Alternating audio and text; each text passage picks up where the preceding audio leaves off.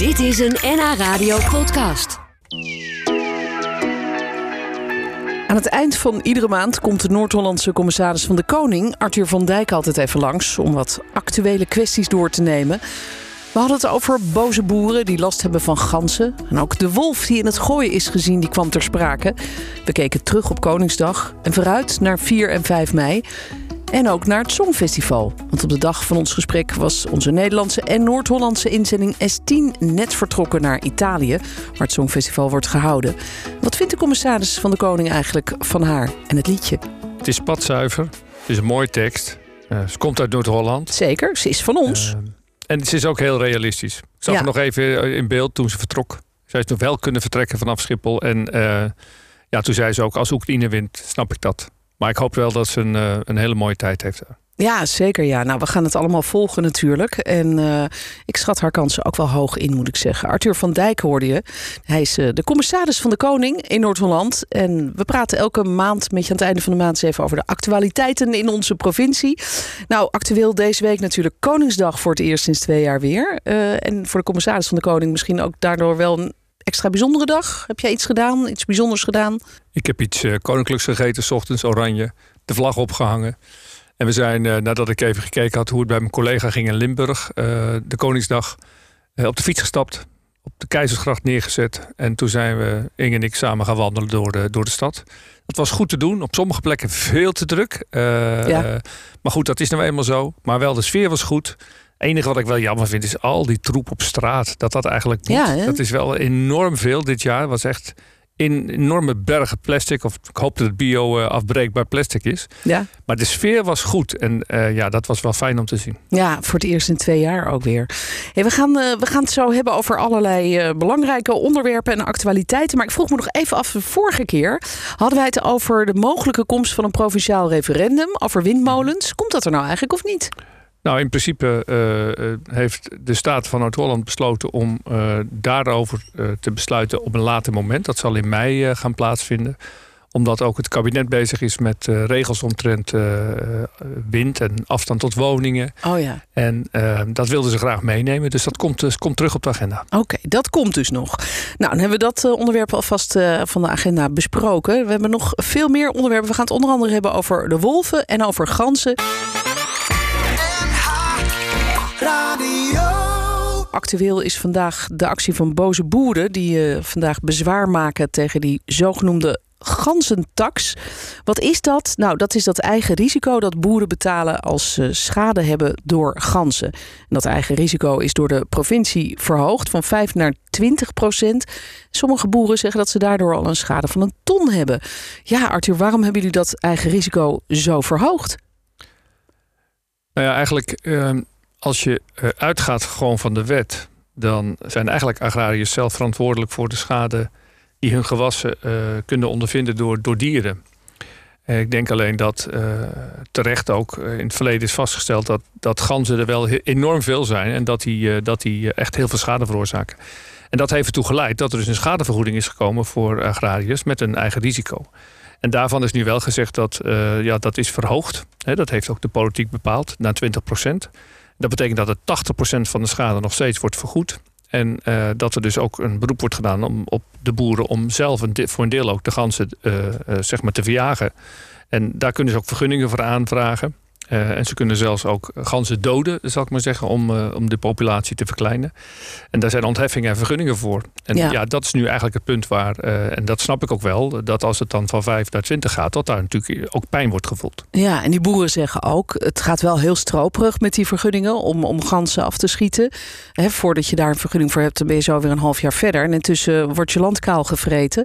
En ben je dag en nacht bezig eigenlijk om die ganzen van je land te houden. Laten we even luisteren naar een fragment van uh, boerin Ingrid uit Schillinghout. Op een dag uh, zijn we zo'n beetje anderhalf, twee uur kwijt met het verjagen van de ganzen. Wij hadden uh, ongeveer een zomerschade vorig jaar van om en bij de 4000 euro. En de winterschade die winter daarvoor die zat tussen de 13 en de 14.000 euro. Het voelt een beetje als diefstal. Want ze zeggen we moeten de agrariërs meer prikkels geven dat ze meer de ganzen gaan verjagen. Maar verjagen dat is probleem verschuiven naar een ander. Dan komt de schade bij een ander. Ja, daar heeft ze natuurlijk wel een beetje een punt. Als je ze verjaagt, dan heeft vervolgens de buurman de schade. Ja, maar die ganzen vliegen natuurlijk gewoon vrij in de lucht. Hè? Het is niet zo dat de, de overheid ganzen kweekt of zo en daarmee uh, die. Nee.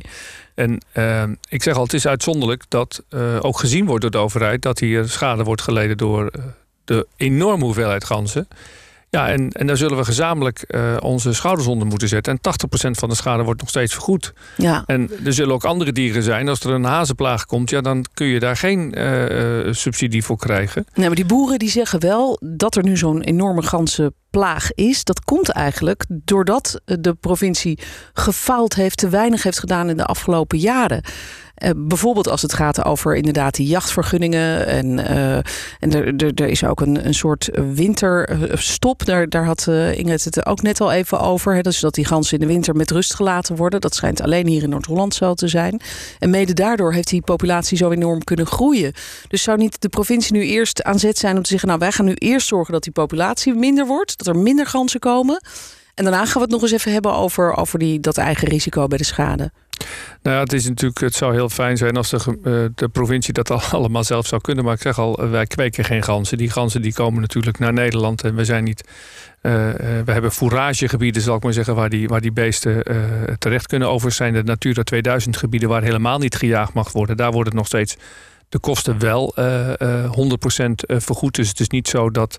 Ja, want daar mag je echt geen... niks doen tegen nee, de ganzen. En, en, ja. en, ik denk dat het ook een compromis zoeken is tussen mensen die vinden dat je eigenlijk helemaal geen uh, beesten mag doden of iets dergelijks. En dit compromis is er nu uitgekomen. En ik denk dat we dan met elkaar verder naar moeten kijken. Overigens, er zijn nu agrariërs die hebben bij de organisatie, dat is de organisatie bij 12, die werkt voor 12 provincies en die voert deze regeling uit. Die hebben daar nu bezwaar gemaakt. En ik denk dat we ook even moeten afwachten ja. wat er uit dat bezwaar komt. Ja, zeker. Dat, dat loopt nog. Vandaag is dat bezig, die hele hoorzitting. Uh, nog één dingetje daarover. Want ik begrijp dat die boeren ook graag zouden willen... dat ze bijvoorbeeld ganzen mogen lokken om ze te doden dan. Dat, dat klinkt heel dieronvriendelijk. Maar zij zeggen het afschieten van die ganzen zoals het nu gaat... uit de lucht schieten, dat is vaak ook dieronvriendelijk. Want soms worden ze gera geraakt, maar zijn ze niet dood. En vliegen ze dan wel door met een kapotte vleugel. Um, ja, wat, hoe, hoe, hoe staat u daar tegenover om, om die ganzen dan te laten lokken door de boeren? Ja, ik ben geen jager en al helemaal geen expert. Uh, ik zelf zou het niet kunnen, bij wijze van spreken, nee, schieten. Nee, dus nee. uh, dat, is, dat is een vraag die moet je mij niet stellen. Maar ook daarvoor geldt natuurlijk dat in faunabeheer, flora- en faunabeheer...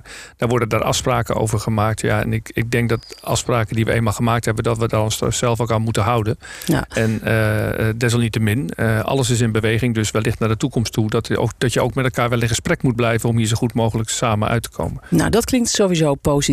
Dus uh, misschien voor de boeren. Uh, een andere actualiteit uh, waar we het even over moeten hebben is de woningnood. Want Noord-Holland heeft natuurlijk een grote woningnood. Daar hebben wij het ook vaker gehad hier in de mm -hmm. uitzending. En nu begrijp ik dat de rechter een streep heeft gezet door een groot woningbouwplan in Egmond. En dat heeft te maken weer met stikstof. Hoe hard kwam die uitspraak aan als je probeert genoeg woningen te bouwen? Nou, dat komt best stevig aan, omdat ik zie dat uh, ook mijn gedeputeerden uh, uit alle macht proberen natuurlijk toch om wegen te vinden. Om het een te doen, het ander niet te laten. Dat betekent dat we stikstof willen reduceren, minder stikstof, natuur herstellen. Maar we willen natuurlijk ook graag woningen bouwen. En we zien nu eigenlijk wel dat, ik heb het wel eens vergeleken met een ijsschot, die steeds kleiner wordt. En je staat ergens in het midden. En elke keer knabbelt iemand er een stukje van af. En je, je, je vraagt je af, hoe gaan we dit staande houden? En ik denk dat nu echt wel de roep ook naar Den Haag is dat we nu moeten doorpakken. En we zijn heel erg, ik weet dat uh, ook in Den Haag is men bezig met plannen. Veel miljarden worden vrijgemaakt. Maar we zullen nu keuzes moeten maken waar we die aan gaan besteden. Om te zorgen dat we niet meer stilstaan. En daar ja. maak ik me zorgen over. Ja, want, want wat gaat er nu verder gebeuren? Dat, dat woningproject dat is gewoon van baan nu? Of, of is dat in de, in de koelkast gezet en uh, moeten er nieuwe maatregelen worden genomen? Ja, we zullen natuurlijk, uh, je moet zo'n uitspraak uh, bestuderen, kijken van hoe we nu verder gaan. heel belangrijk is nu dat er echt, en we noemen dat bronmaatregelen genomen moeten worden, zodat we echt kunnen aantonen, want dat is wat de rechter ook zegt, je moet aantonen dat de natuur daadwerkelijk herstelt. En niet alleen maar aangeven dat je hem laat herstellen, maar dat het ook echt gebeurt. Uh, en dan ontstaat er weer ruimte uh, om te gaan bouwen. Om maar te bouwen. de zorg is ja. meer dan alleen woningbouw. Hè. Bijvoorbeeld ook nu bedrijven die willen vergroenen. Uh, ook geen stikstofruimte. Dus ja, eigenlijk alles stagneert. En, Ja. en dat is natuurlijk jammer. We staan stil. Ja, het gaat op slot. Ja, dat, is- dat is natuurlijk heel erg lastig. We praten zo nog even verder over eh, nog een andere ja, opmerkelijk onderwerp eigenlijk, wat, eh, wat veel mensen bezighoudt. De komst van de wolf. En dan, hè, als je het hebt over, over natuur en zo, dan kun je zeggen, nou, dat is misschien wel een goed teken dat die wolf onderweg is. Er was er eentje in Hilversum gesignaleerd, toch? Dat is Noord-Holland. Ja, het Goois Natuurreservaat. Ja, we gaan het daar zo over hebben. De wolf die uh, misschien wel oprukt naar Noord-Holland... of daar maatregelen tegen moeten worden genomen. De CDA-fractie in de provincie pleit al voor wolvenmaatregelen. Ik sprak Willemien Koning daar laatst over in de uitzending. Ze is statenlid voor het CDA. Ze is bang dat die wolf ook echt hierheen komt. En uh, dat lijkt er ook op, want er was een wolf gesignaleerd in het Goois Natuurreservaat. Um, en dat blijkt nu ook echt zo te zijn, toch? Ja, dat is eigenlijk vandaag pas formeel vastgesteld door middel van DNA-onderzoek. Uh, dat er inderdaad een wolf is gesignaleerd. Um, er is nog geen territorium vastgesteld. Uitwerps en dat soort dingen zijn allemaal niet gevonden. Dus het is, het is te vroeg om te zeggen dat de, wil, de wolf is teruggekeerd. Het schijnt, heb ik me ook laten vertellen, dat zo'n wolf wel uh, in zo'n nacht 50 kilometer of meer kan afleggen. Dus het kan ook een wolf op doorreis zijn. Ja. Op mijn vakantie even Nederland aangestipt. Uh, aan de andere kant, um, het is ook wel weer een heel positief signaal, omdat uh, wolven in gebieden komen waar de biodiversiteit zich hersteld heeft of zich aan het herstellen is.